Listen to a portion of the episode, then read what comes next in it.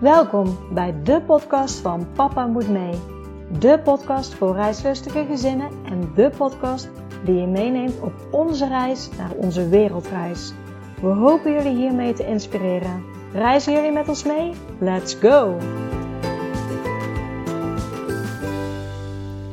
Welkom bij weer een nieuwe aflevering van de podcast van Papa Moet Mee. En deze aflevering ben ik niet alleen, want naast mij zit Frans.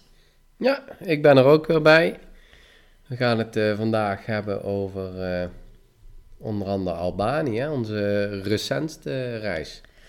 Ja, ik heb uh, de laatste tijd heel veel interviews gehad. Er staan ook nog heel veel interviews klaar. En daardoor heb ik eigenlijk niet echt de tijd gehad om um, ja, jou een beetje te updaten over waar wij staan met onze wereldreis. Uh, maar ook onze afgelopen reizen. We zijn in de meivakantie naar Engeland geweest. Daar hebben we eigenlijk geen podcast over opgenomen. Dat hebben we niet gedaan. Gewoonweg omdat ik vol zat met interviews en ik deze ook graag aan je wilde laten horen. Uh, en nu van de zomer zijn we dus naar Albanië geweest. En daar had ik echt een plekje voor vrijgelaten. Omdat ik dat graag met jullie wilde delen. En ik denk dat het dus ook heel waardevol is om um, te delen hoe ver we staan in uh, onze voorbereidingen. Want er zijn ook nog wat uh, hobbels geweest op onze weg. Nog steeds een beetje, maar ja, dat, uh, zo gaat het nou eenmaal. Niet altijd leuk, moet ik zeggen. en daar gaan we jullie in meenemen. Dus misschien goed om te beginnen bij het begin. En dat is een stukje Engeland. We gaan het niet uitgebreid over Engeland hebben in deze aflevering. Maar zowel Engeland als Albanië zagen wij als een soort generale repetitie voor onze wereldreis. En niet voor het reizen aan zich, want dat zijn we wel gewend, maar eigenlijk meer voor de spullen die we mee willen nemen. Want dat is nog een beetje het lastige. We hebben twee reistassen aangeschaft waarmee we gaan reizen. Eén is een uh, Eastpack. Nou weet ik niet het merk. Oh. Ja, durf ik niet te zeggen. Maar... We gaan het uh, even hier meteen opzoeken. De een is, uh, is van Eastpack en die hadden ze nog maar één in de, in de winkel. En hier is hij al, Eastpack Transverse. En we hebben volgens mij maat L de grote maat. Ja. Uh, dat is een reistas op wieltjes en die kan je openritsen in het midden. Dus je hebt eigenlijk twee delen. En we hebben daarbij de reistas van Samsonite gepakt. En dat is een reistas die rit je eigenlijk weer open als een koffer. En daarvan is weer de buitenkant denk ik iets meer waterdicht. Dat is de Samsonite Eco Diver Duffel, zien we. Dus die twee uh, hebben we. En die hadden we ook mee naar Engeland om gewoon eens te kijken hoe, uh, hoe gaat het nu. We zijn naar Engeland gegaan met mijn uh, autootje, een Ford Fiesta. Daar past het makkelijk in. En ik denk dat wij in Engeland voornamelijk tegenaan liepen tegen de apparatuur die we bij hadden. Ja, dat was wel een, een, ding, zeg maar, qua gewicht. Kijk, in die auto ging het natuurlijk makkelijk, dat we die vol konden laden. Alleen als we daarmee uh, zouden moeten vliegen, dan zouden we echt gigantisch over het gewicht gaan, denk ik. Plus zou het niet praktisch zijn om uh, uh, bij te dragen, omdat apparatuur natuurlijk wel in het vliegruim moet. Dus, of in jouw... in de handbagage. Handbagage bedoel ik, ja. Ja, dus wij zijn eigenlijk naar Engeland gaan nadenken, wat willen we echt meenemen qua apparatuur. We hebben sowieso allebei een laptop nodig. Um, we wilden eigenlijk allebei ook nog een mobiel scherm meenemen. Die gaan we nu maar één meenemen.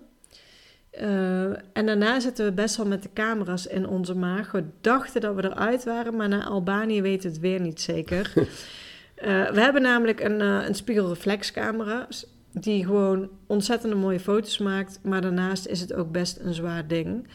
Um, in Engeland hadden we het gevoel, misschien moeten we die thuis laten. Eh, tegenwoordig, we hebben allebei een uh, goede mobiele telefoon met goede camera's. En dat is ook iets wat je altijd bij je hebt. Dus hadden we zoiets, moeten we wel een echte spiegelreflex nog meenemen, terwijl we heel vaak zeggen, oh die is te zwaar, te onhandig en dan nemen we hem niet mee. Dus in Engeland hadden we eigenlijk waren we erachter gekomen, we laten de spiegelreflex thuis. Uh, we hebben nog een compacte Sony-camera. Ja, Sony RX7 compacte camera. Die maakt ook hartstikke mooie foto's. Ja, dus als we die meenemen en onze twee mobieltjes... Uh, en dan hebben we ook nog een drone. We hebben ook nog een GoPro. GoPro. Dus we hebben heel veel apparatuur. Dus... Ja, we hebben nieuwe mobieltjes aangeschaft. Hè. Die nieuwe Samsung, daar zit natuurlijk een uh, goede camera op. Dus die, die beelden zijn hartstikke mooi, die foto's. Alleen merkten wij in Albanië met name, als we echt willen inzoomen en uh, de omgeving heel mooi vast willen leggen, dan niet per se voor Instagram of iets, maar ook met name voor ons eigen. En dan is die spiegelreflex eigenlijk wel, uh, ja, dan missen we die, zo gezegd. Ja, dus we waren in Engeland erover uit dat we hem thuis lieten. En nu we in Albanië zijn geweest, twijfelen toch weer heel erg. En zitten we er toch weer aan te denken om hem toch wel mee te nemen. Dus nou ja, mocht je misschien al op reis zijn geweest en tips hebben, dan horen wij het ook heel erg graag. Uh, ja, dan naar Albanië. In Engeland was eigenlijk de conclusie veel minder meenemen, niet zo zware dingen. Alleen qua inpaklijst konden we in Engeland natuurlijk niet echt testen, want het weer in Engeland was een stuk slechter als waar we waarschijnlijk naartoe gaan op wereldreis. En in Albanië zag het weer er goed uit. Dus we zijn met onze twee reistassen naar Albanië gegaan en hebben eigenlijk zo ingepakt zoals we ook verwachten in te pakken voor de wereldreis. Het enige verschil was dat we geen vliesvest bij ons hadden en geen uh, regen- en waterwinddichte uh, jack. Nee. Uh, want die zouden we niet nodig hebben in Albanië. Qua gewicht zaten we redelijk. Eén koffer was 16 kilo, de andere 19. 19. Voor mijn gevoel, dat zegt mijn gevoel dan, zou ik het liefst willen dat ze allebei rond de 16 zouden zitten. Want met sommige kleine luchtvaartmaatschappijen mag je maar 20 kilo meenemen. Dus dan zit je in ieder geval safe. Maar ik weet niet of dat, dat gaat lukken dan. Um, ja, dus qua kleren denk ik wel... Op zich hadden we denk ik nog steeds iets te veel bij ons. Ik denk dat we ook nog steeds iets te veel meenemen op wereldreis. Maar dat zit wel redelijk goed. Ook qua schoenen zit het redelijk goed. Dus dat was wel uh, ja, een goede generale, zou ik zeggen. Ja, ik denk dat we redelijk uh, voor ons of voor ogen hebben wat we mee gaan nemen. Ja. Dus ik, ik denk dat we qua kleding uh, en natuurlijk zullen we tijdens onze wereldreis vaker gebruik maken van een een wasservice of dat we zelf ergens wassen. Als dat we daar in Albanië hebben natuurlijk iets uh, relaxter gereisd. Dat het ook meer een vakantie was als een, uh, als een reis. En daar op wereldreis dan uh, ja, kunnen we echt nog wel besparen zeg maar in de spullen die we meenamen. Want we weten allebei wat, of wat we eigenlijk tekort kwamen of wat we juist mee hebben genomen waar we helemaal niet nodig, nodig hebben of gaan hebben. Ja. Dus ik denk dat we nog wel qua gewicht, uh, ja, er zit nog winst te behalen. Ja. Ja, dan Albanië. We hebben eigenlijk voor Albanië gekozen omdat ik um, veel gezinnen geïnterviewd heb die met een camper ook door Europa zijn gaan reizen. En heel vaak werd daarbij Albanië genoemd als toch wel de verrassing van de reis of een van de mooiste landen. En er werd ook bij gezegd, je moet um, binnen de vijf jaar naar Albanië gaan, want Albanië is ontzettend aan het veranderen. Dus mede door die opmerkingen, eigenlijk vanuit mijn eigen podcast, hebben wij besloten om naar Albanië te gaan. Wij hebben ervoor gekozen om um, te vliegen naar Albanië. Puur omdat we nu maar drie weken de tijd hadden. En Albanië is absoluut geen groot land. Het is zelfs kleiner dan Nederland. Dus ook in drie weken kan je al redelijk veel zien. Maar dan nog moet je keuzes maken, ook voor drie weken. En als we dan nog er naartoe zouden rijden, nou ja, dan het is toch best een eindje, dan ben je ook weer tijd kwijt. Um, is natuurlijk wel een stuk goedkoper als je met je eigen auto er naartoe rijdt. Want wij hebben nu een vliegticket moeten betalen en een auto moeten huren. Een auto hebben wij gehuurd, ook wel leuk om te vermelden, echt bij een lokale Albanese partij. Um, het was sowieso alle autohuur in de zomervakantie in deze periode was best wel prijzig, vond ik. Ja, die waren eigenlijk allemaal hoog. Ja, en toen zagen we deze partij, een lokale partij. En eh, die was nog ietsje goedkoper, dacht ik. En we dachten, nou... En de auto was ruimer. Ja. En toen dachten we ook, laten we gewoon eens proberen om niet bij eh, alle bekende merken een auto te huren, maar gewoon dus lokaal.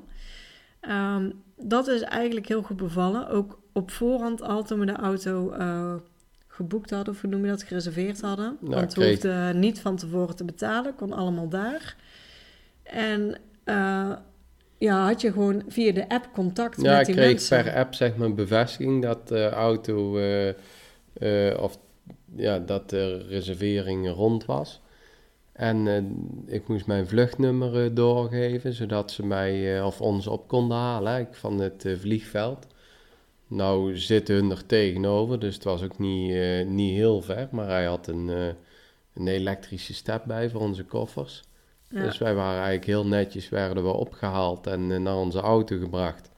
Dan kregen we een uitgebreide uitleg, we kregen drinken, de kinderen kregen chips.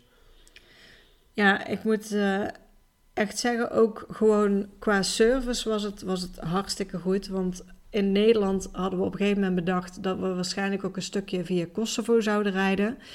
Omdat dat sneller is eigenlijk, omdat de wegen in Albanië niet zo goed zijn. Dat hebben we op de app naar hem gezet en hij zei meteen, oh is goed, maak ik de papieren voor in orde. Want je mag niet zomaar je auto uit Albanië meenemen, de grenzen over naar Kosovo. Daar heb je weer papieren voor nodig. Dus ook dat verliep van tevoren super makkelijk.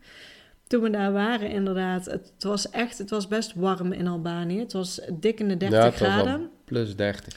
En eh, nou, ze, we kregen meteen eh, koud water eh, in flesjes. De kinderen mochten eten uitzoeken. Ontzettend aardig. En ook de auto die wij kregen was gewoon hartstikke nieuw. Hij was voor ons één keer uitgehuurd. Er stond hoeveel op de teller? Ja, 3000 kilometer had hij gelopen. Ja, En ook zeg maar voor de telefoon vroegen we om een lader. En dan ging hij een eh, USB-lader halen met eh, twee poorten voor onze telefoons. Dus eh, nee, hij deed wel echt, echt zijn best zeg maar om... Ja, ja was heel... hebben, hij sprak goed Engels. ja, dus dat is we, belangrijk natuurlijk. Ja, we hebben daar een ontzettend een goede auto aan gehad. En ehm, ja, ook nadat we hem deze drie weken, na die drie weken hebben ingeleverd, eh, ook dat ging heel makkelijk. Ja, Er was niks aan de hand, we konden hem inleveren, alles was goed. Dus eh, ja, onze ervaringen daarmee was heel positief. Dan weet ik dat er ook vaak heel veel vragen zijn. Kan je zelf in Albanië auto rijden? Nou, heb ik zelf niet gereden, want Frans vindt het heel leuk om te rijden. Dus in die zin zijn wij nog ouderwets dat Frans eigenlijk meestal rijdt en ik navigeer. Ja. Ehm, het verkeer is ietsje anders dan in Nederland, dat wel. Ja, we waren op voorhand gewaarschuwd. Ik had natuurlijk op internet gelezen. En eh, ja, de regels die wij hanteren en de normen die wij hier in Nederland hebben, ja, die zijn hun niet bijgebracht. Maar eigenlijk moet je gewoon meegaan met het verkeer en dan is er niks aan de hand. Dus eh, ja, zoiets als voorrang bestaat niet echt. Hè. Gewoon die aan de beurt is, is aan de beurt. En eh, ook in de stad, zeg maar, als je in de stad rijdt, ze parkeren gewoon op een dubbelbaansweg eh, aan de rechterkant de auto en zetten de gevarenlichten aan om een eh, boodschap gauw te doen of iemand af te zetten, dan wel op te pikken.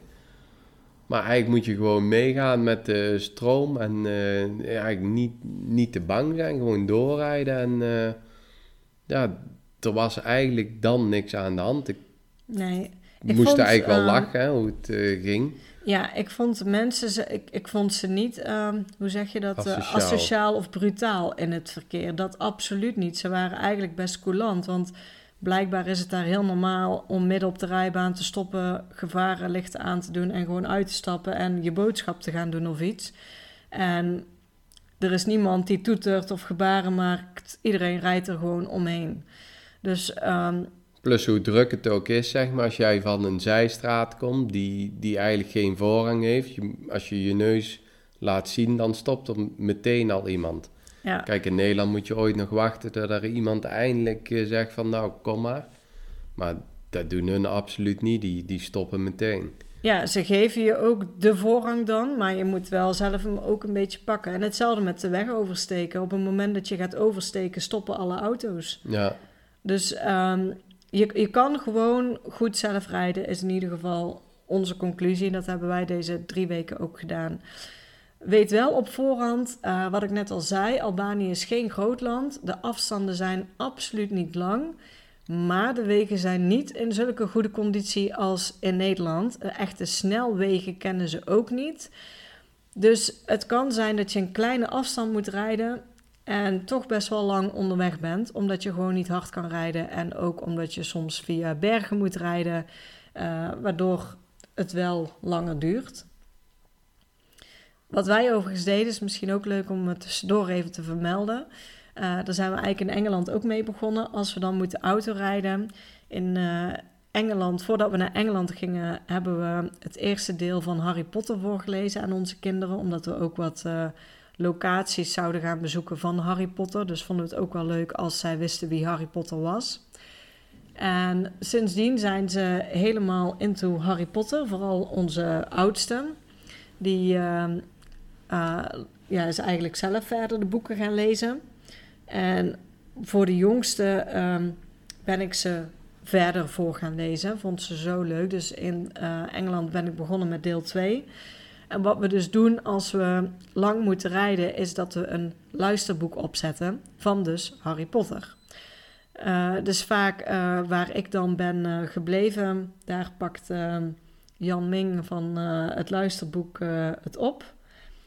En die gaat verder vertellen wat de rit gewoon heel leuk maakt. Ook voor ons, want wij zitten zelf ook weer helemaal in het Kinderen zijn rustig en stil en wij zitten zelf ook helemaal in het verhaal. En het is echt... Uh... Ja, en de kinderen die luisteren ook. Dus uh, nou, een tip, zet een leuk luisterboek op voor iedereen. En uh, dat, ja, dat maakt het rijden onderweg er ook weer heel erg leuk op. Dus dat deden wij als wij een langer stuk moesten rijden. We zijn onze reis begonnen in Tirana. Daar kwamen wij uh, natuurlijk aan met het vliegtuig. Uh, en Tirana, de hoofdstad, is een stad die niet echt bekend staat om een of ander gebouw om iets te bezoeken. Nou moet ik zeggen, aan ik denk twee dagen Tirana heb je voldoende. Ja, Als je kijkt naar de highlights, heb je in Tirana zelf het uh, Skanderbergplein. Dat is een heel groot plein. Uh, waar het beeld dus op staat van uh, de heer Skanderberg, die uh, tegen het Ottomaanse Rijk heeft gevochten om uh, Albanië te verdedigen. in de avond heb je daar ook een draaimolen voor de kinderen. Er zit een moskee aan het plein. en voor de rest in de stad zelf heb je een oude piramide nog. Die is geheel opgeknapt, want die lag er echt heel slag bij onder de graffiti en alles. En dat zijn ze echt heel mooi aan het maken. Ze zijn dus echt de stad ook op aan het knappen. Uh, en dan heb je voornamelijk ook uh, de bunkers die je kan bezoeken. Je hebt één bunker midden in het centrum van Tirana. En dan de andere grootste bezienswaardigheid ligt dus eigenlijk buiten het centrum van Tirana. Daar kan je met de bus naartoe. Of zoals wij, omdat we toch de huurauto hadden, zijn wij daar uh, met de auto naartoe gereden. Dat is 10 minuten rijden. En daar heb je de Jati Express. Daarmee is de langste kabelbaan van de Balkan. Daarmee kan je een berg op. En op die berg heb je ook van alles voor kinderen. Je hebt uh, midget golf, je hebt een uh, skierbaan volgens mij. Paardrijden, uh, schieten. een boomklimparcours, dat hadden onze kinderen gedaan. Crossen en een buggy. Ja. Dus, Speeltuin hadden we al. Ja, ja, dus je kan daar van alles doen. Je hebt een mooi uitzicht over de stad. En ja, onze kinderen die waren helemaal fan van het boomklimparcours. Uh, ja, dat is nog steeds het mooiste het... Uh, ja, was het allerleukste in hun beleving van, de het leukste van de vakantie. Dus uh, echt een aanrader om, om te doen. Het is ook nog een mooie trip, zeg maar, hè, met die, ja. met die lift. Ja, en ook, ehm, ik moet zeggen, ik, ik vond het wel heel goed geregeld dat... dat um, je hebt de zekering van het boomklimparcours. Die, soms moet je die wel eens losdraaien en weer vastklikken.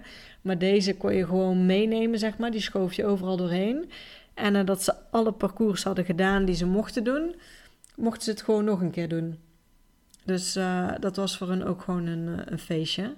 En bij die kabelbaan, daar beneden, ligt ook weer uh, bunker nummer 1 dus eigenlijk. Dat is echt de grootste bunker die je kan bezoeken. Um, met een hele rondleiding, dus... Uh, ja, dat is, uh, is wel mooi om te zien en vertelt ook een stukje geschiedenis over Albanië, wat uh, ook best wel interessant is. Want uh, Enver Hoxha, die is de communistische leider geweest tot, oké, even uit mijn hoofd, dus het kan zijn dat ik het niet helemaal goed zeg. Ik dacht 1990 zelfs, het is heel lang communistisch geweest. En hij heeft altijd gedacht dat het buitenland, in Griekenland, Italië, hem binnen wilde vallen. En daarom heeft hij meer dan 107.000 bunkers gebouwd door heel Albanië. En in Tirana vind je dus twee hele grote, één midden in de stad en één net erbuiten. Waar echt een uh, soort theaterzaal in zit, een school in zit, uh, een supermarkt hadden ze er als het ware in. Dus er zat echt van alles in. Maar je ziet dus door heel het land waar je rijdt, zie je overal van die bunkers. Soms tweepersoonsbunkers, soms groter. En al het geld is toen de tijd naar de bunkers gegaan. En dat heeft ook er mede voor gezorgd dat Albanië het armste land van Europa is geworden. Um, nou ja, uiteindelijk uh, is het communisme gevallen natuurlijk. En in Tirana hebben ze daar heel veel aandacht aan besteed. Nu ook aan street art en de gebouwen een kleurtje geven om de stad op te fleuren. En uh, dat ziet er wel... Muurschilderingen, ja, het ziet er echt, eh, echt heel mooi uit. Ik moest zeggen, op voorhand had ik eigenlijk geen uh, beeld bij Albanië. Maar nu dat ik het land gezien heb, oké, er zijn... Qua, qua vuil rondom is het misschien niet het schoonste land, maar... En zeker in Tirana had ik daar eigenlijk nog weinig notie van. Ik vond Albanië echt een ontzettend mooi land. Uh, vriendelijke mensen. Uh, rond de steden spreken ze goed Engels. Het eten is goed en uh, nog goedkoop. Dus zeker in, ja, wat we ook al zeiden, de eerste vijf jaar nu nog goed te doen voor de toerist. Ik denk dat het wel hard gaat groeien. En het groeit eigenlijk al een beetje het vel uit, hè? want ze kunnen de toeristen op sommige locaties al niet meer, niet meer kwijt. En dat hebben we ook gemerkt, maar daar komen dadelijk eigenlijk uh, wel op uit. Ja, je merkt al dat het echt wel aan populariteit aan het toenemen is. En dat er eigenlijk al best wel veel toeristen komen waar ze nog niet helemaal op voorbereid zijn, zeg maar. Vanuit Tirana zijn wij naar uh, Skeuder gereden. Ik weet niet of ik de plaatsnaam allemaal goed uitspreek, maar het is eigenlijk richting het noorden, dus bij de grens met uh, Montenegro. Uh, daar hebben we in een hotel gezeten met zwembad, wat heel fijn was om even ook verkoeling op te zoeken, want het was, wat ik al zei, best wel warm. Het was echt boven de 30 graden. En in Skeuder, de bezienswaardigheden daar zijn met name het kasteel. En daar ging dan, dat vinden onze meiden dan heel erg leuk, het verhaal over het kasteel wat er stond is al ontzettend oud. En dat is door aardbevingen, aanvallen, ik weet het allemaal niet, allemaal uh, nou ja, uh, afgebroken weer. En er waren drie broers en die wilden dat weer opbouwen. En zij gingen bouwen en iedere de volgende dag dat ze weer terugkwamen, was alles afgebroken wat ze gebouwd hadden. En zij begrepen maar niet hoe het kwam. En toen kwamen ze een uh, wijze man tegen. En die wijze man die zei: uh, Jullie moeten een van jullie vrouwen offeren, of te waren levend inmetselen in het kasteel. Uh, maar jullie, mogen, jullie moeten de vrouw kiezen die jullie mogen brood kon brengen, maar jullie mogen niet thuis vertellen van deze afspraak. Dus alle drie de broers zijn naar huis gegaan en zowel de oudste als de middelste hebben toch hun mond niet kunnen houden en hebben tegen hun vrouw gezegd: Je moet morgen ons geen brood komen brengen. En de jongste heeft netjes uh, zijn mond dicht gehouden. Dus de volgende dag gingen ze weer bouwen en je raadt het al, de vrouw van de jongste broer kwam natuurlijk brood brengen. Um, Rosava heette zij, vandaar dat het kasteel ook het kasteel van Rosava heet. En zij hebben haar moeten inmetselen. Zij heeft dat um, geaccepteerd en alleen gevraagd of dat ze haar borst vrij konden houden, zodat ze hun zoontje kon... Um, borstvoeding geven? Ja, ik wou zeggen voeren, maar dat is niet het goede woord. Uh, dus nog borstvoeding kon geven. Uh, en in het kasteel zou je dus ook een vrouw... En één arm moest nog vrij zijn, toch? Dat is een vast kon. Ja, om hem te troosten of Ja. iets. Dus als je het kasteel betreedt, zou je de vorm van de vrouw kunnen zien met, met, met de borst. En daar gingen we eigenlijk naar op zoek toen wij het kasteel betraden. En wij konden helemaal Helaas. niks vinden. Overal lopen zoeken. En toen dachten we, we gaan het gewoon vragen. En dan hebben ze boven bij het kasteel ook een museum. En is het, het beeld, ze hebben er een beeld van gemaakt volgens mij, staat dus in dat museum. Maar dat museum was dicht toen wij er waren. Dus wij hebben het uiteindelijk niet gezien, alleen op een Een fotootje. foto. Ja. Ehm, voor de rest bij Skeuder, nou ja, we zijn er naar een oude brug geweest. We hebben daar wat bezienswaardigheden gedaan. Eh, de stad zelf vond ik echt heel chaotisch. Daar zijn we ook echt maar heel even geweest. Want daar merkte je bijvoorbeeld dat ze geen... eh, in Tirana hadden we nog een parkeergarage. Maar daar, als je op een parking zoekt, krijg je een parkeerplaats waar misschien vijf, zes auto's kunnen. Daar staat een eh, mannetje bij die dat regelt. En in die stad was een en al file. Ehm, we gingen naar een parking, die was eigenlijk helemaal vol. En nou, godzijdank konden we toch nog de auto daar neerzetten. Ja. Ja, en dan moesten we wel binnen zoveel uur weer terug zijn. Nou, was helemaal goed.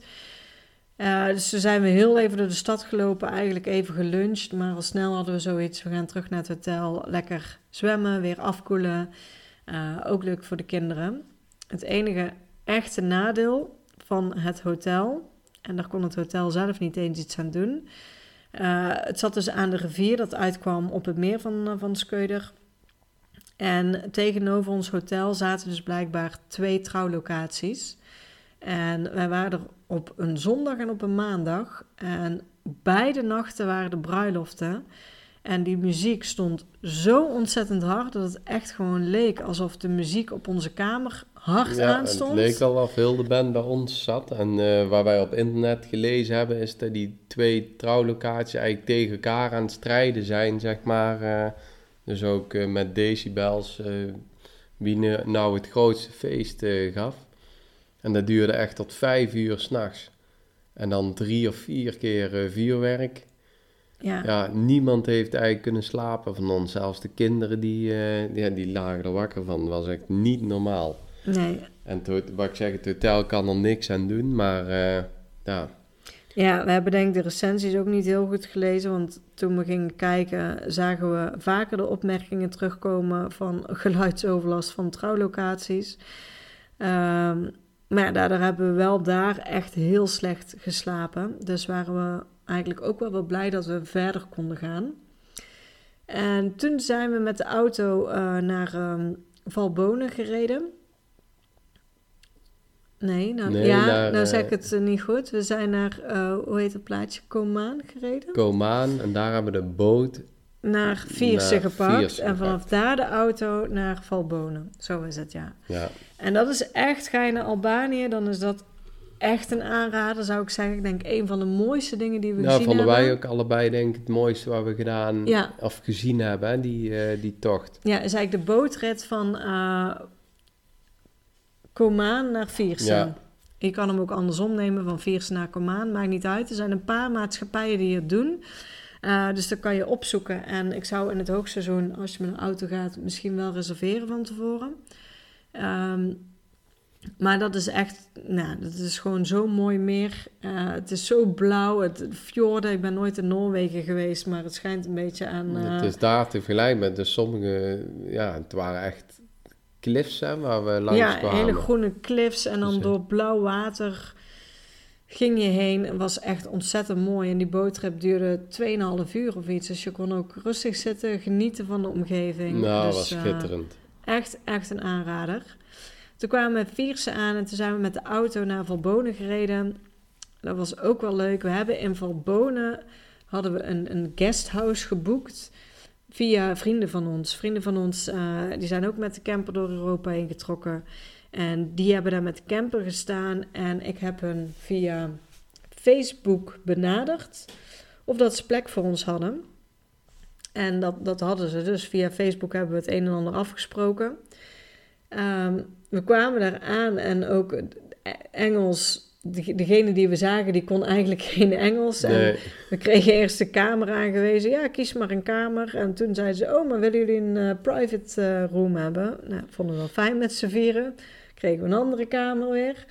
Ehm, nou ja, het was allemaal heel makkelijk. En ik dacht, nou ja, we hebben dit via Facebook. Wie boekt nou zoiets? Want het was ook vanaf de weg niet goed te vinden. En toch zaten er best wel veel mensen. En ook mensen die we op de boot hadden gezien. Grote groepen jongeren, zeg Ja. maar. En al snel begrepen we dat als jij lokaal een tour boekt, dat doen natuurlijk heel veel mensen, die boeken lokaal het rondje, dat je de boot pakt van Comaan naar Veertse, daar wordt opgehaald en met de auto naar Valbonen wordt gereden. De volgende dag loop je van Valbonen naar Ted en van Ted eh, staat er weer een taxi klaar om je terug naar Skeuder te brengen. Nou, dat is een rondje wat je kan doen en je kan regelen in Albanië.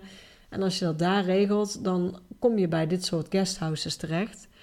Ehm, dus het is wel heel grappig dat wij eigenlijk het zelf hebben geregeld en dus tussen de mensen zaten die het lokaal hebben geregeld. Eh, mensen daar waren heel aardig. Je krijgt er ook eh, meteen ehm, half pension. Ja, eigenlijk vol, want je krijgt ontbijt. Ja, Bij het ontbijt kan je een lunchpakketje maken voor de middag en je krijgt avondeten. En Valbonen is natuurlijk de uitvalsbasis. Je zit daar in de bergen. ontzettend mooi natuurgebied.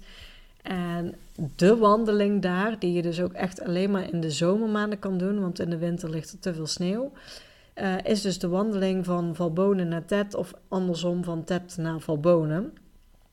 En die wilden wij ook heel graag doen. Van die vrienden van ons hadden wij te horen gekregen, die hadden ook twee kleine kinderen en die hadden een gids geregeld met eh, een paard. En ehm, ja, paard of ezel, een, een muilezel. Ja. Hè? Dus een kruising tussen een ezel en een En een paard. En eh, daar kunnen dan de kinderen op zitten als ze moe worden. En zo zouden we toch die wandeling kunnen doen. Dus we hadden eigenlijk bedacht, we lopen van Valbonen naar Ted. We slapen in Ted. En de volgende dag lopen we van Ted terug naar Valbonen. Maar toen gingen we eigenlijk eens nadenken. En die wandeling, daar staat 6 tot 8 uur voor. En dat zou betekenen dat we twee dagen 6 tot 8 uur moeten wandelen. Ja, dan hadden we ook nog het weer, hè, wat eh 35 graden aangaf. Ja, het was hartstikke warm. omstandigheden, zelfs voor ons was het... eh, ja, het was gewoon heel warm. Ik moet zeggen, daar in eh Valborne koelde het wel hard afgeleken met Tirana. Ja, Eh, dus dat werd wel een stuk frisser. Maar dan nog om twee dagen, zes uur eh, tot acht uur te wandelen met kinderen. Ja, daar hadden wij zoiets van, doen we daar wel eh, goed aan? Ja, toen begonnen we eigenlijk een beetje te twijfelen. En ik had dus van hun een gids doorgekregen, ook benaderd via Facebook. Dus die, eh, die kwam langs die dag en daar hebben we eigenlijk eh, mee overlegd. En het mooiste gedeelte van die route is natuurlijk de top bereiken, want je gaat als het ware een berg over. Dus het is ook nog 6 tot 8 uur, nee, niet alleen maar omhoog wandelen, de helft dan, maar ook best een pittige klim. Uh, dus toen hebben we afgesproken, we gaan het anders doen. We gaan uh, tot aan de top en dan wandelen we gewoon weer terug naar Valbonen en niet naar Ted. Um, ja, en zo wonnen we eigenlijk ook één dag, want dan zouden we maar één dag hiken in plaats van twee dagen. Dus de volgende ochtend vertrokken we, wat ook meteen Konden ook heel makkelijk fijn was. regelen met die uh, waar wij zaten, zeg maar. Dat we één nacht natuurlijk extra daar bleven. Ja, het was allemaal. Ik moet, al die mensen Ja, daar in Albanië zijn zo aardig, hartstikke gemoedelijk. Want via hun had ik eh, alleen een telefoonnummer van een guesthouse in Ted. Die ik een appje had gestuurd van eh, kunnen we overnachten? Ja. Eh, dat ging nu niet door. Dus ik zei van moet ik die mensen berichten? Toen zei die nee, dat doe ik wel. Nou, ik heb uiteindelijk ook nog een appje naar hun gestuurd. Vond ik wel zo netjes.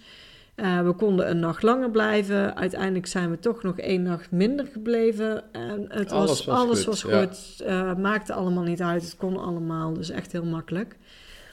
En het fijne aan die gids was ook de volgende dag dat uh, hij je eigenlijk naar het beginpunt brengt waar de wandeling omhoog gaat. Uh, als je die wandeling gaat doen van Valbonen naar Ted, dan zal je worden afgezet door het guesthouse waar je bent. Uh, waar de asfaltweg stopt in Valborne. En daar begint eigenlijk een weg met hele grote Witte kiezels. Ja, kiezels, witte ja. stenen als het ware. En dat is een hele lange weg.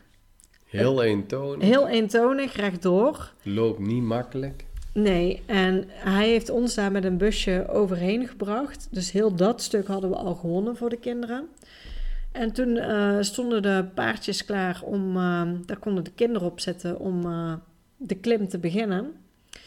En we zetten onze jongste op een paard en die begint eigenlijk meteen te roepen... Die begon zelf te stijgen? ja, die begon eigenlijk zelf inderdaad te stijgen. Die wou er mee vanaf en ze ging niet op een paard, ze ging lopen. Ja. Ja, en de oudste vond het wel heel leuk. ah, die vond het ook spannend, maar die deed in ieder geval, zeg maar. Maar de jongste die weigerde echt uh, om op paard te zitten. Ja. En ze zou veel liever heel het stuk wandelen. Dat was geen probleem, zolang ze maar niet op het paard doen. Dus uh, zo zijn we eigenlijk aan de tocht begonnen. Zo zijn we begonnen. maar de tocht werd best zwaar. En de tocht is best wel stijl omhoog uh, lange stukken. Ja. En ja, dat hield zij natuurlijk niet vol. Dus op een gegeven moment kon ze niet meer lopen, maar ze durfde ook echt niet op het paard. En nou, hebben we eigenlijk de beslissing moeten maken dat, uh, ja, dat zij zo niet verder kon. Nee, maar ze zat er ook helemaal doorheen en ze ja. vond het zelf zo erg, maar ze durfde echt niet op het paard. Ze kon zelf niet meer lopen. Ja, wij konden natuurlijk haar ook niet dragen. Nee. Het was echt nog best ver hè, vanaf dat punt. Al denk ik wel een heel eind waren. Maar ja, het was gewoon echt... Ja, dus hebben we uiteindelijk besloten dat uh, Frans met de jongste is uh, omgedraaid. Die, ja, jullie zijn een stukje omgedraaid en jullie hebben daarbij zo'n... Uh, ja, ja ik, ik wil zeggen kroegje, maar het is een soort hutje wat, wat drinken heeft. Dus die zijn daar gebleven en ik ben met de gids en onze oudste dochter wel verder gelopen. Die heeft overigens ook hele stukken gelopen. Want telkens als het heel stijl omhoog ging, vond ze het ook eng om op een paard te zitten. Uh, dus dat liep ze. En eigenlijk als het iets vlakker was, ging ze wel eens op een paard zitten. En ja, het was echt wel een, een pittige klim. Maar ze heeft volgehouden. We hebben de top gehaald. En uh, ja, uitzicht was ontzettend mooi daar. En nou ja, nadat we de top hebben gehaald, zijn we ook weer teruggelopen. En ook daar toen heeft ze al iets vaker op een paard gezeten. Maar ook als het dan weer stijl naar beneden ging, vond ze het ook eng. Dus dan liep ze ook weer zelf. Dus uh, aan het einde van de dag waren wij behoorlijk moe. Het was echt wel uh, inspannend. En ja, ik denk dat we blij waren met de keuze dat we niet uh, door, zeg maar, gekozen nee, hebben om twee dagen... zijn gaan en nog teruglopen. Ja, dat was te veel geweest. Dan zou je beter het rondje kunnen maken naar Ted. Ja, dan had je auto niet mee moeten nemen, want daar kan je dus niet met de auto doorheen. Dan had je, oude, je auto een scooter moeten laten staan en het rondje moeten afmaken. Uh, nou, in ons geval, maar goed dat we dat niet hebben gedaan, omdat onze jongste dochter uh, de berg niet op is uh, nee. gekomen. Um, nou, de tweede dag hebben we daar gewoon een korte wandeling gemaakt, want nou, zowel ik als Robin voelden best wel de wandeling in onze benen. En toen hebben we ook mede omdat we zagen eigenlijk iedereen die in het guesthouse verbleef, waar wij verbleven, die verbleef maar één nacht, want die ging die wandeling doen. En wij zouden daar vier nachten eigenlijk blijven. Uh, en wat ik al zei, zij maakte eten voor ons, maar iedere avond kregen we hetzelfde avondeten. En dat was verder heel lekker. Alleen als je prima, daar maar... een aantal nachten zit en iedere avond hetzelfde te eten krijgt, op een gegeven moment ben je daar een beetje klaar mee. Uh, en toen hadden we zoiets, we zouden via Kosovo gaan rijden om weer terug in Albanië te komen. En dat heeft ermee te maken dat die wegen beter zijn als je via Kosovo rijdt dan dat je via Albanië terug zou moeten rijden, want die weg is niet zo goed. Um, en dat zou best een lange rit zijn. En toen dachten we, als we nou toch een dagje over hebben, dan uh, breken we die op, dan rijden we door Kosovo en dan blijven we daar een nachtje slapen. Dus dat hebben we toen uh, eigenlijk voor gekozen en geregeld. En zijn we via Kosovo gaan rijden. Wat, uh, ja, wat ik ook wel leuk vond. Ook met het oog dat Kosovo een land is. Eigenlijk ook weer geen land Waarvan is. niet iedereen een land is. Ja, dus uh, Kosovo wordt nog niet door iedereen erkend. Het, het hoort bij Servië. Althans, dat vindt Servië. En Kosovo vindt dat het een eigen land is. Dus het is best ja, apart natuurlijk. Uh, dus daar zijn we door uh, Prizren zijn we een, uh, een dagje geweest. Ja. Dat is de tweede na grote stad. Um, en dat vond ik ook heel leuk om, om ja, ook- ja, ik vond het ook leuk Kosovo om in te zien, eh, ja. zien. Ik Dus- moet zeggen, we waren ook super aardig ook bij de grenzen. Of we Ja. een stempel in ons paspoort wou, eh, eh, zouden willen. Dat vroeg hij alvorens, eh ja, ja, dat vonden wij natuurlijk wel tof. Dus eh, nee, die waren super aardig. Prizren vond ik een, een mooie stad. Ik heb er eigenlijk goed naar ons zin gehad. ja. En zo zijn we eigenlijk via Kosovo weer teruggegaan naar Albanië, eh, naar de kust, naar Dures, een wat grotere kustplaats. was de enige dag dat we regen hadden, die, eh, die rijdag. Die Van, trip eh, wel, ja, in ja. de auto. En bij Dures merkte je al dat het echt wel toeristisch was. Daar, ehm, het, het, het- die, die dag had het geregend, dus het was nou echt niet super druk aan het strand.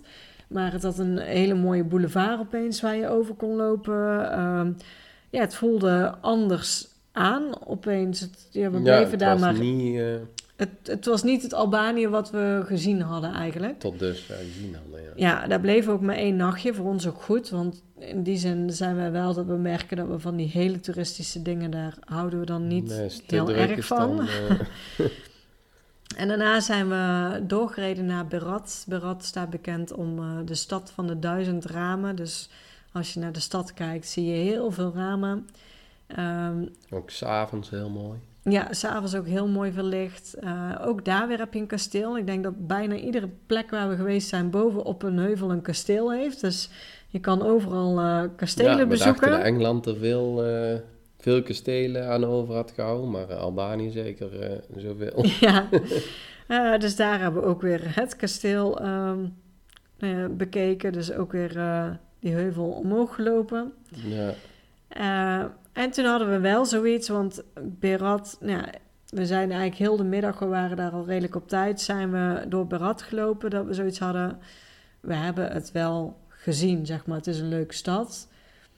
Nou, we hadden er Ehm, eigenlijk twee eh, dagen voor staan om, Ja. om het te ontdekken, maar we hebben die dag zoveel gezien en gedaan. We zijn het kasteel, de stad zelf, eigenlijk al wat er aan bezienswaardigheden waren wij gezien die dag. Ja.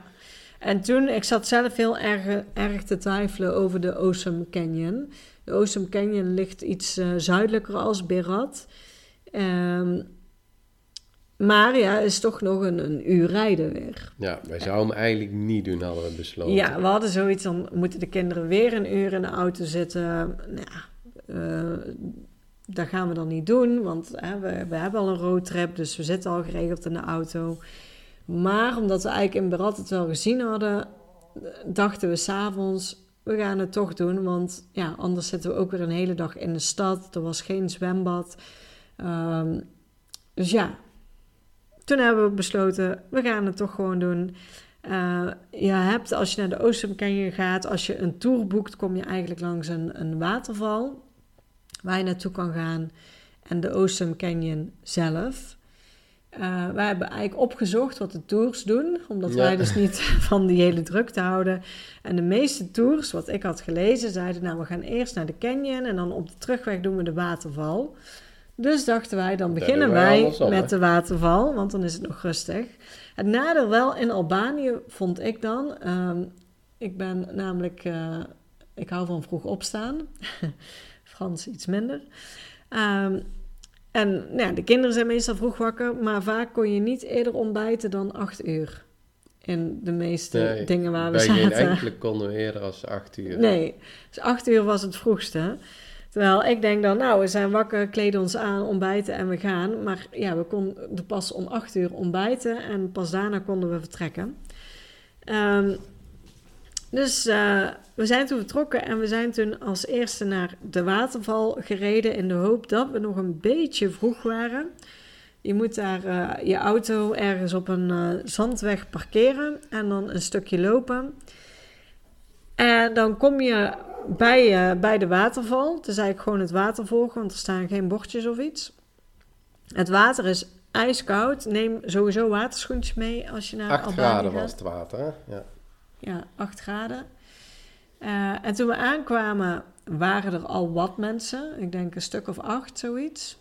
Dus we waren... Zoiets, maar het is niet groot, zeg maar. Nee, je het kunt is niet niet op heel veel eh, plaatsen spullen kwijt. Dus we dachten van, ah, we zijn eh, in ieder geval niet, niet, niet alleen, We maar niet de eerste, maar het was ook niet heel druk. Nee, het was ook niet heel druk. Maar ja, zodra we er waren en eigenlijk onze zwemkleren aan hadden, zeg maar, dat we klaar stonden, toen kwam de eerste tour. steeds, Die dus blijkbaar wel de waterval als eerste doet, die, die tour. En toen was het eh, behoorlijk druk. Nou, we hebben dat toch even lekker in het... we hebben allebei eh, erin gezwommen ook, echt. hè? Ja, heel even snel. Niet lang. Want het is echt heel koud. Je kan daar ook zelfs eh, van de rotsen springen erin, want het, het, het zijn diepe baden, zeg maar. Nou, dat nou, dat hoeft van ons niet zo, ook met de kinderen niet. Wij vonden ons al dapper dat we erin waren gegaan. hè? Ja, dat we hadden gezwommen in het water. Ja, dus, maar toen wij vertrokken, toen werd het wel echt heel druk. Toen, was het, toen kwamen er Ja, toen meer we gingen, toen was het echt eh, gigantisch druk. Ja, dus als je daar naartoe gaat, ga dus Zo heel vroeg, vroeg. mogelijk. Ehm, en het grappige was, wij, we zagen dus een tour en daar zaten dus Nederlanders bij. Die hadden dus wel een tour geboekt. En bij ons in het hotel lagen ook foldertjes en die tour was, ik dacht, 50 euro per persoon. Best prijzig. Ehm, vervolgens zijn we in de auto gestapt. We hebben gewoon Awesome Canyon aangehouden. En we hadden een soort restaurant ingegeven. Waarvan we dachten... ehm, daar hadden we een blog van via gelezen. internet, ja, via uit een internet, blog een blog. Nou, daar kan je je auto kwijt en dan kan je eten. Dus we dachten, want we hadden geen idee waar we moesten zijn in de canyon. Dan gaan we daar maar naartoe.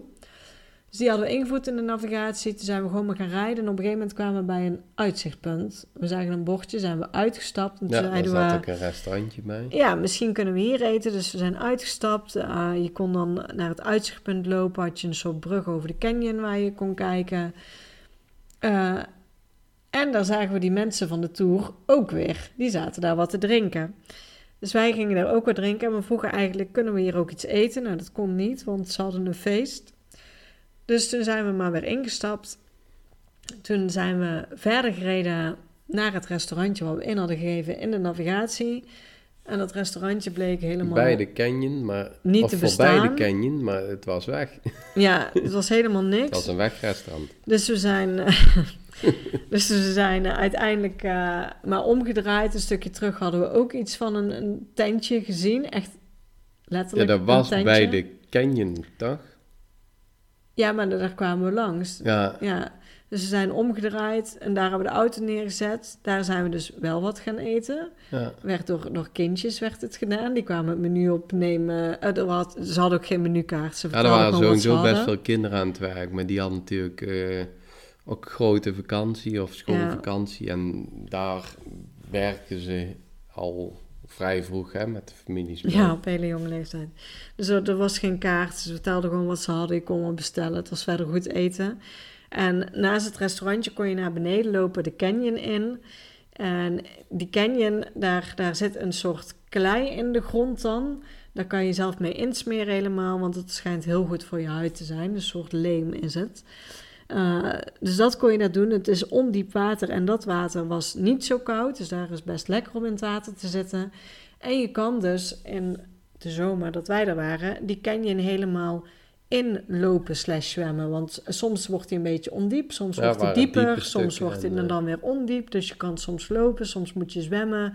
En dan ga je echt die canyon in. Dat was wel echt heel En gaaf. ze deden ook raften daar, maar niet in, in het zomerseizoen, toch? Nee. Dan is het water eh, per te laag. Maar Ja, en je raadt het al, die tour, die we dus bij de waterval zagen ook, die kwam vervolgens ook weer uit de canyon gelopen. Dus we zijn uiteindelijk op dezelfde plekken geweest. ja, met Alleen onze hun eigen hebben auto, eigen 50 tempo. euro per persoon betaald. En wij hebben ons eigen tempootje gedaan met onze eigen auto. En we zijn uiteindelijk dus ook bij de plekken uitgekozen, uitgekomen.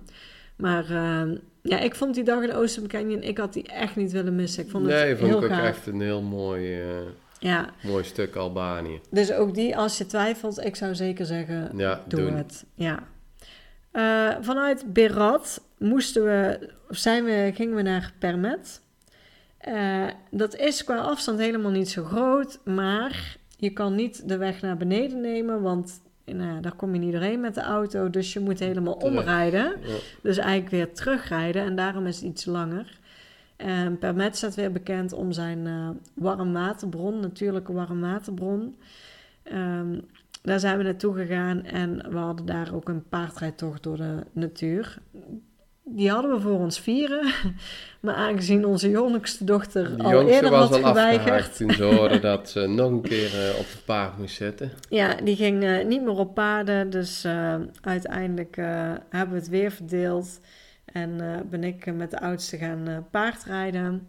En is Frans weer bij onze jongste dochter gebleven. Ja, zijn we een dag in Permet, eh Permet gebleven. Ja, en daarna... eigenlijk een ochtend, hè? Want jullie Een waren ochtend, van was een ochtendje. de Ja. half tien tot één, zoiets. ja, en daarna zijn we met z'n allen nog naar de warmwaterbron gegaan. Ik dacht, wellicht is het tegen het einde van de dag wat rustiger. Het was niet rustig. hè? En dat is het dus niet. het is daar ook in de zomer echt heel druk. Je hebt echt wel plek om te zwemmen of zo. Die, die hadden we zat in die Ja, het was niet zo dat het te druk was en dat je echt, eh, Nee, zeg maar, eh, met je handen op je rug gebonden in het eh, water moest gaan zitten. Maar het was wel druk gewoon. ja, het is niet dat je daar idyllisch in je eentje bent. Permet zelf, moet ik zeggen, was absoluut niet druk met toeristen. Nee, helemaal niet. De eerste dag zo en zo niet. Leek wel uitgestorven. Ja, De tweede dag eh, was er iets meer reuring op straat en eh, ja, het was rustig. echt ook heel wel rustig mooi daar. hè? Ja. En vanuit daar zijn we naar ehm Giro Kaster gereden. Ja. En daar begonnen we eigenlijk pas het toerisme meer te merken, vond ik. Girocaster is een hele oude stad, de geboortestad van die Enver Hoxha, dus die communistische leider. Maar die stad hebben ze eigenlijk, In Ja. tak gelaten zoals die vroeger was, toch? Ja. En ehm, dus, ehm, ja, mooie gebouwen, leuke straatjes, ook weer een kasteel. Smalle straatjes, eh, echt smal, stijl. Ja, en wat, wat ze ook hebben, is bij al die, naar al die kastelen toe, hebben ze van die eh, stenen, nou weet ik niet goed hoe ik dat moet omschrijven, van, van die kleine steentjes. En die zijn ontzettend glad. En het is altijd boven op een berg. Dus het is echt af en toe best moeilijk lopen. Ja, het was echt eh, blij dat ik gelijk op sommige stukken. Hè? Ja, ja maar ook dat was gewoon een, een, ja, een leuke stad om, eh, om te Het bezoeken. was heel mooi ook daar, zeg maar, het kasteel ook daarboven. Ja, maar dat was de eerste keer dat we bijvoorbeeld in de rij moesten staan om een kasteel te bezoeken. Ja. Dat hebben we daarvoor nog nooit gehad. Dus we merkten dat we, ja, we kwamen toen iets zuidelijker natuurlijk, zuidelijk Albanië, en dat het daar wel echt meer toeristischer was. Eh, toen zijn we de volgende dag eh, gereden naar Kuzamil met een tussenstop bij de Blue Eye. De Blue Eye is een soort heel blauw meer en daar zit een... ehm, ja, het blauwe oog dan in, om het even letterlijk te vertalen. Er zit een gat in. Waterbron eigenlijk, toch? Ja. Vanuit onder. Er wordt vanuit onder, vanuit de bodem, wordt er per seconde of iets 6 kuub water naar boven geduwd. En dat is de reden dat, ze, dat duikers, die zijn er wel eens ingedoken om te kijken hoe diep het gat is, maar ze komen niet verder dan 50 meter. Dus het is dieper dan 50 meter, maar ze Ja, weten met de dus... apparatuur komen ze niet. Ik denk niet dat een duik 50 meter komt. Of was het al 25 meter? Ik weet niet, Ik was wel gigantisch diep. Maar ze, we- ze weten maar in de ieder druk geval nam niet... eh, toe, Ja. zeg maar, van het water. Ja, ze weten dus in ieder geval niet hoe diep dat het is. Ook omdat er gewoon telkens zoveel eh, water telkens... Nieuw eh, water, nieuw eh, water komt. naar boven wordt, eh, wordt geduwd.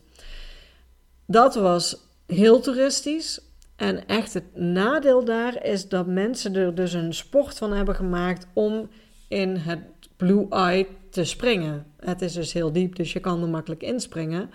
Overal staat dat het verboden is en met een goede reden, want het wordt ook gebruikt als drinkwatervoorziening voor de Albanese. Maar toch vinden de toeristen het leuk om daarin te springen. Wat ik zelf dan totaal niet begrijp, want ja, ik vind dat je wel eens een beetje Ja, respect, voor het land voor moet de tonen. mensen en eh, de regels. Eh, gelukkig werd er op een gegeven moment wel gehandhaafd, maar het was daar ook heel druk. Dus ja, ik vond het leuk om te zien. Ja, de een na de ander sprong er op een gegeven moment in totdat die man ingreep Ja. en eh, er iets van zei. Ja, maar Ja, ik, ik vond het, het was mooi om te zien in Blue Eye, maar van, eigenlijk vanwege alle drukte en, en de toeristen en het gedrag van de toeristen, vond ik het moi. Ja, het, het is een mooi natuurverschijnsel en schitterend om te zien, maar het is niet om daar eh, een halve dag rond te, rond te hangen. In ieder geval niet voor ons of niet in de, de tijden van deze drukte. Nee.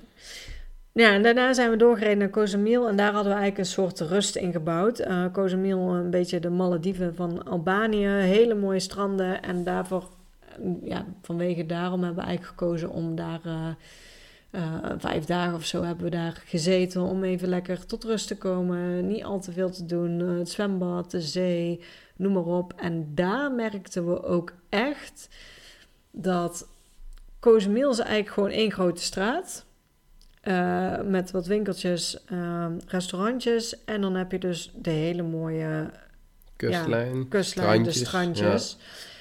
Maar die strandjes, daar worden gewoon bedjes, um, nou ja... Verhuurd eigenlijk met parasol. Uh... Ja, maar bijna letterlijk tegen elkaar aangezet ja. allemaal. Ze hebben eigenlijk alles vol neergelegd. Dus het strand zie je daardoor bijna niet, omdat het vol ligt met, met bedjes en parasols. En de dag dat we aankwamen hadden we het helemaal niet in de gaten, want wij hebben helemaal niet in de file gestaan. Nee, wij konden mee doorrijden, kwamen Kazemiel uh, zeg maar meteen binnen en we konden uh, zonder probleem ons hotel in. Ja, maar naarmate we daar iets langer waren, zagen we wel dat, dat het met de auto daar in Cozumel niet zo makkelijk was. En op een gegeven moment zijn we ook naar Butrint gegaan. Butrint is een, uh, dat ligt bij Cozumel, want het was vanuit ons hotel 10 minuten rijden. Uh, dat is zeg maar, uh, vroeger is dat een Romeinse plek geweest, zeg maar, een nederzetting geweest die heel belangrijk was in die tijd, maar nou ja, door een aardbeving ook weer verwoest is. Um, maar die tien minuten rijden, nou, daar hebben we hoe lang over gedaan? Ik denk wel een half uur ja, of zo. minstens. En het, eigenlijk was het één rechte weg. Alleen omdat je dan door het centrum moet gaan rijden en het verkeer... Ja, het, het schiet daar gewoon niet op. Het is eigenlijk veel te druk voor, voor het plaatje. En uh, auto's, wat we al zeiden, er zijn niet echt regels. Dus van rechts en links willen ze er ook weer tussen. Ze uh, hebben te weinig parkeerplaatsen. Overal te weinig parkeerplaatsen. Want ook bij die Butterend, wij kwamen daar dus eigenlijk heel vroeg aan. En wij hadden nog zat parkeerplaats. Maar nou, toen wij weggingen, konden we eigenlijk ook niet wegrijden. Omdat mensen midden op straat blijven staan. Uh, in de hoop, in de hoop dat er een plaatsje komt. Uh, waardoor ze dus ook weer heel de weg blokkeren. Dus daar merkten we echt dat het, ja, dat het plaatje eigenlijk ja, te veel toeristen Plaatjes kwamen. te klein, zeg maar, voor de toeristenstroom ja. die er komt. Ja, en ook de, de eigenaar van het hotel zei ook toen we weggingen van... je moet eigenlijk niet in augustus komen. Wij zaten daar in augustus. Want de stranden zijn gewoon te klein voor het aantal mensen. En het wordt alleen maar drukker hier. Alleen... Het probleem wordt alleen maar groter. En bij hotels krijg je het ook niet opgelost. Nee. Want de stranden kunnen het gewoon niet aan. Nee, de stranden zijn gewoon niet groter als dat. Er kunnen maar zoveel man op de stranden liggen en dan liggen de stranden vol. Maar ondanks dat um, hebben wij ons goed vermaakt. Het was echt wel een stuk toeristischer. Ook de prijzen merkten we ook. Albanië is absoluut niet duur, maar we merkten wel dat het daar duurder was als... Ja, bijna uh, twee keer zo duur als... Uh... Ja, als, als, als in de rest. Maar uh, nou ja, we hebben Maar toch, het was wel relaxed. Ik heb wel echt genoten van Kazemiel en... ja, zeker. Het is een, een, een heel mooie stad, zijn kustplaats. Echt heel mooi. Ja, dus wij hebben, wij hebben ons voor de rest gewoon goed vermaakt. En daarna gingen we eigenlijk uh, weer langzaam uh, ja, zeg maar de kust omhoog richting uh, Tirana weer. en toen hebben we een stop gedaan bij Gipe Beach, of een overnachting moet ik zeggen. dat staat bekend als het mooiste strand van Albanië. En dat is een strand waar je niet zo makkelijk komt, want daar moet je echt een half uur voor lopen. Je kan er niet met de auto komen. En daar heb je één camping zitten beneden. En dan kan je dus een tentje boeken met dus uh, matjes en uh, beddengoed zit er allemaal in. Dus we hadden een uh, rugzakje ingepakt om mee te nemen. Maar ook, dat is dan ook wel wel lachen. Om bij Gipe Beach te komen moet je eerst een weg rijden. En dat is echt een, hoe noem je dat? Een eenpersoonsweg. Ja, een eenpersoonsweg. Daar kan echt maar één auto rijden. Maar beide kanten rijden natuurlijk auto's op. Je hebt mensen die er naartoe gaan en mensen die er vanaf komen. En af en toe heb je zo'n inham van een parkeervak waar je uh, in kan staan om mensen door te laten. En dan kan ook uh, maar één of twee auto's kunnen daar staan. Ja, dus als je elkaar tegenkomt, moet of jij of de ander moet achteruit totdat je bij zo'n inham komt. Dus ook dat is weer heel praktisch gemaakt. Nou ja, dan kom je bij nou ja, parkeerplaatsen. Het zijn ook gewoon uh, ja, het, is gewoon zand. Ja. en er staan wel mannetjes. beheerd, zeg het wordt wel maar, beheerd, eh, het is betaald. Maar ook daar, wij kwamen rond 1 uur aan of zo, 12 uur, 1 ja, uur rond in de, de middag. middag. Er was niks meer. Alles was al vol. We hadden echt geluk dat eh, er, een, eh, er waren twee campers en die zeiden we gaan zo weg. Dus eh, daar hebben we op gewacht en konden we onze auto parkeren. Dan loop je een half uur naar beneden en dan ja, kom je wel op een heel mooi strand. Maar ook daar staan in de zomer natuurlijk allemaal eh, Bedjes en bedjes en parasols. Wat ook heel fijn is zo, want anders zit je echt midden in de zon. Dus ik ben wel We blij met een parasol. van Ja. ook, hè? Ja. Uh, maar ja, die camping, je loopt eigenlijk van het strand zo de camping op. En die camping was echt een hele relaxe sfeer. En het leuke is dat al die dagjesmensen dus 's avonds van het strand af moeten op een gegeven moment. En jij kan gewoon blijven. En ook de volgende ochtend sta je op en dan is er nog helemaal niemand. Want ik denk dat het, Het is enkel rond... die camping en eh 4x4's, hè, die kunnen daar wel komen. Ja, met een 4x4 kan je er wel komen.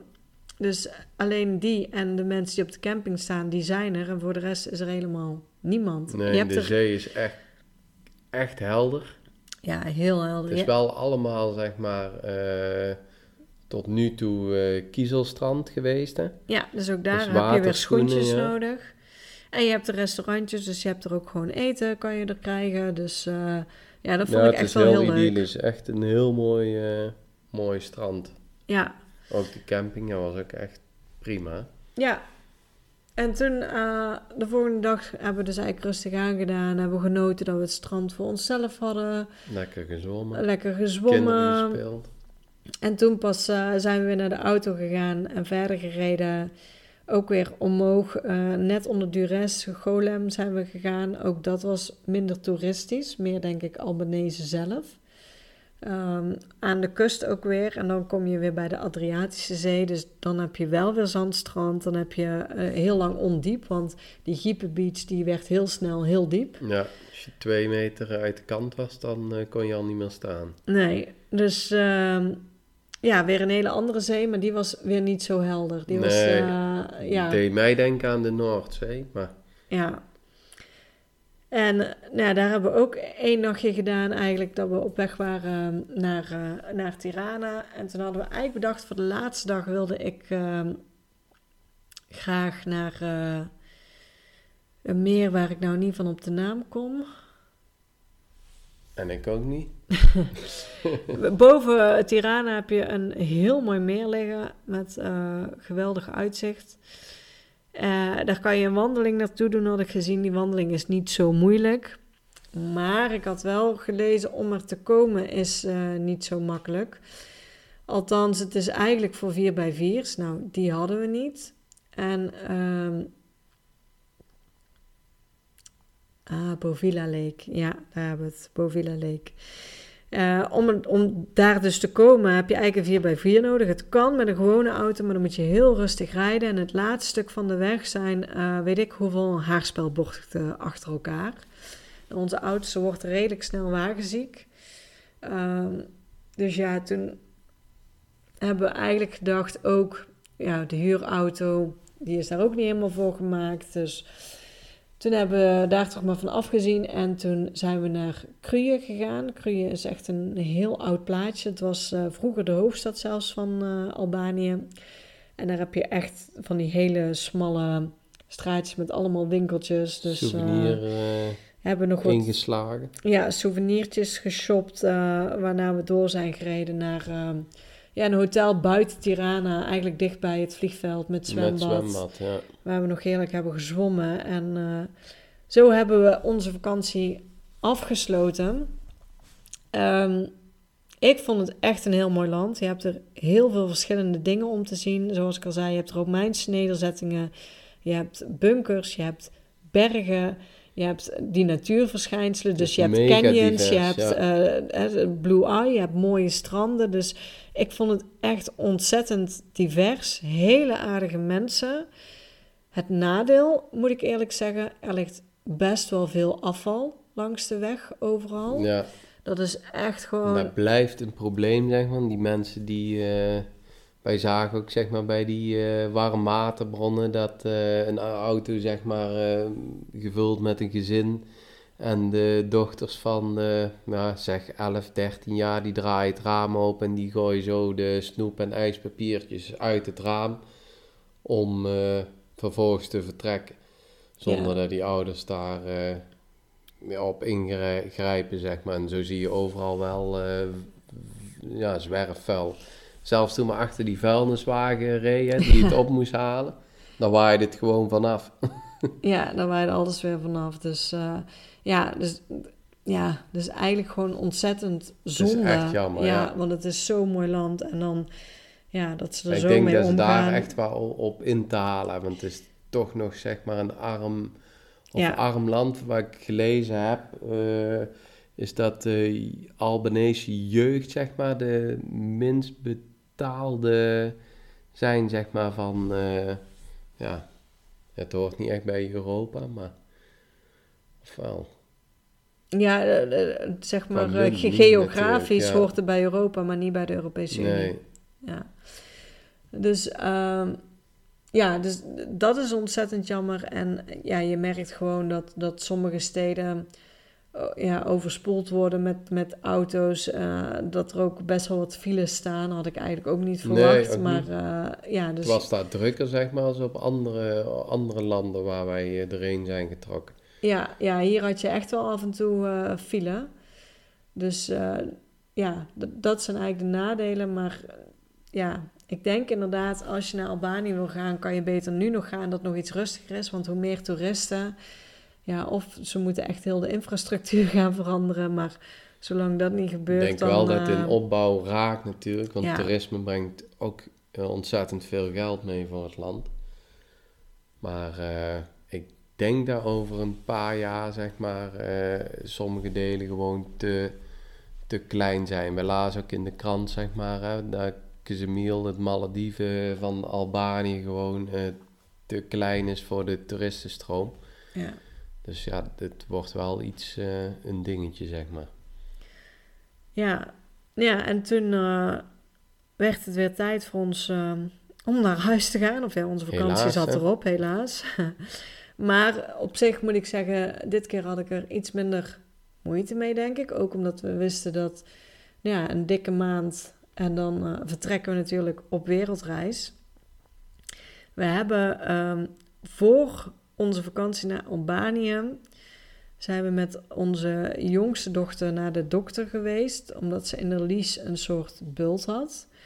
En ehm, de dokter die zei toen eigenlijk tegen mij: Het kan een liesbreuk zijn, maar kijk het even aan. Jij als moeder weet het het beste. Nou, ik ben echt totaal niet medisch, dus ik weet het helemaal niet het beste. Dus de volgende dag heb ik meteen een andere dokter gebeld van een second opinion. En die zei eigenlijk tegen mij: Ik denk dat het eigenlijk wel een liesbreuk is, maar uh, we gaan een echo maken. Want als het geen liesbreuk is, dan moeten we ook weten wat het wel is. Dus voordat we naar Albanië gingen, hebben we een echo gemaakt bij haar. En die bevestigde dat ze een liesbreuk heeft aan beide kanten. Dus we hadden al een afspraak in het ziekenhuis staan nadat we uit Albanië terugkwamen. Want overal zit ook weer wachttijd op. Dus we wisten dat. Uh, op het moment dat we uit Albanië terugkwamen, we kwamen het weekend terug, dat we die maandag meteen met haar naar het ziekenhuis moesten. En we waren heel benieuwd ehm, wat ze zouden zeggen. Maar het ziekenhuis heeft laten weten dat ze haar voor de wereldreis nog willen opereren. En met ruim herstel uh, in acht te nemen. Ja, dus, dus op tijd hersteld, dus om uh, eh, 3 oktober uh, te vertrekken. Ja, dus um, ja, dat, ehm, dat zit er ook nog aan te komen. Dus nou ja, na de vakantie begon, kwam, kwam dit eigenlijk. We wisten dus niet zeker of dat ze geopereerd moet worden. Maar nu moet voor onze reis zit er nog een operatie aan te komen. En in diezelfde week, um, nou ja, ging jij ook eens kijken. En... Nou, ik had last eigenlijk. Uh, nou, wij waren in Albanië en toen deden we voor, zeg maar, hoe Lauren die uh, een liesbreuk, hoe je dat kunt laten zien door op je hand te blazen. Ja. En toen blies ik op mijn hand en toen gebeurde bij mij hetzelfde als wat bij haar gebeurde. En daarna wij op van die, eh, die kussens op zee eh geravot, zeg maar. En toen kreeg ik ook echt last van mijn buik. Dus toen ben ik ook naar de dokter gegaan in die week dat ik eh, terugkwam. Ja. Met hetzelfde eindresultaat. Ik had dus ook een liesbreuk. ja, dus een maand voor vertrek hebben wij twee mensen in het gezin met een liesbreuk. En moeten er dus twee mensen geopereerd gaan worden. Ehm, het geeft eh, extra stress, eh, sowieso omdat je je zorgen maakt om je kindje, want ze moet toch eh, onder narcose. Ook om jou hoor, niet alleen, Oh, om, niet alleen om ons kindje. Maar ehm, ja, het is toch, eh, ondanks dat het een eh, polyklinische ingreep is en ehm, allemaal, eh, de artsen zeggen althans dat het allemaal zo Het is een relatief eenvoudige ingreep. Ja. Maar toch, je zit er niet per se op te wachten als je een reis gaat maken. Maar Nee, want je moet toch herstellen. Dus dat is even wat er bij ons nu ook doorheen komt en voor extra stress zorgt. En ehm, nou, ik heb wel geluk. Ik heb een kliniek gevonden waar ik eh, volgende week al terecht kan. Of een, ja, ik word volgende week ook echt al geopereerd. ja, Dus ik heb ruim een maand eh, hersteltijd. En de jongste heeft eh, iets minder hersteltijd, maar op haar leeftijd, zeg maar, is het herstel ook minder, zeg maar, als op mijn leeftijd. Dus ja, dus we gaan er vooralsnog gewoon van uit dat we kunnen vertrekken op wereldreis. ja, Eh, maar ja, het zorgt wel even voor wat extra stress. En eh, dat merkte ook wel meteen aan thuiskomst. We waren best wel relaxed uit Albanië teruggekomen. We weten dat we echt nog wel het een en ander moeten regelen voor onze reis. Alleen dit nu met een twee operaties er doorheen en twee herstels, wat er ook nog achteraan zit. eh, ja, wordt het allemaal toch ietsje anders. het is verre van ideaal, maar we gaan er gewoon voor, toch? Ja, we, we houden gewoon vast aan, aan onze reis. En eh, ja, hopelijk kunnen we gewoon eh, vertrekken op de dag dat we wilden. En eh, is iedereen hersteld en heeft niemand er last van. Dus daar gaan we voor duimen. En We krijgen een nieuwe APK, dus we kunnen er tegen dan, hè? ja, Ja, En we houden jullie in ieder geval op de hoogte. Zoals ik al zei, ik heb nog heel veel mooie interviews voor jullie. En die zal ik ook zeker met jullie delen. En als we daar op reis zijn, dan ehm, ja, heb ik ook iets meer ruimte in de podcast om ook nog terug te komen op onze voorbereiding. Om jullie daar eh, iets meer in mee te nemen. Omdat we daar nu ook weer niet heel diep op in zijn gegaan. Maar nou ja, we zijn al dik een uur weer aan het eh, vertellen. En eh, dat is denk ik ook lang zat voor een aflevering. Dus, we hebben eh, nog veel te vertellen. we hebben nog heel veel te vertellen. Dus we zullen met andere afleveringen meer ingaan op onze voorbereidingen. Eh, maar voor nu is ook wel de focus een beetje dus op eh, de operaties hier. En ehm, Het herstel en de puntjes op die... ja, ik ben dus ook met het e-book, heeft daardoor dus ook iets vertraging gehad. Omdat we dus met name ook bij dokters, ziekenhuizen, ik heb ook echt ontzettend veel met het ziekenhuis moeten bellen. Want het is allemaal goed geregeld met medische dossiers. Maar nou ja, kinderen hebben geen DigiD, althans- die van ons niet. En nou, daar gaan ze wel van uit. En dan moet je met alle afdelingen weer bellen en noem maar op. Dus ik heb bijna dagelijks met het ziekenhuis wel aan de telefoon gehangen. Ze Ehm, willen het moderner en eenvoudiger maken, maar eh, niet in alle gevallen eh, is de ervaring hetzelfde. Want Nee, dus eh, nou we zijn veel aan het regelen, maar dus ook door die operaties gaat daar ook veel, eh, veel tijd naartoe. Ehm, maar ehm, nou ja, ik ben eh, afgelopen week weer eh, het e-book op gaan pakken, verder af gaan maken. In de vakantie is een proeflezer het gaan lezen om ja, spellingscheck te doen, zeg maar. Dus daar wacht ik ook nog op. En ja, dan gaat hij echt dadelijk in de verkoop. Dus ik hou jullie op de hoogte ehm, in eh, andere podcasts. Dus eh, tot de volgende keer weer. ja, tot de volgende keer. Super bedankt voor het luisteren naar deze podcast. Ik zou het heel leuk vinden als je ons volgt op Instagram. Papa moet mee. Deel deze vooral in je stories als je hebt geluisterd en tag ons en laat ons weten wat je ervan vond. Tot de volgende keer.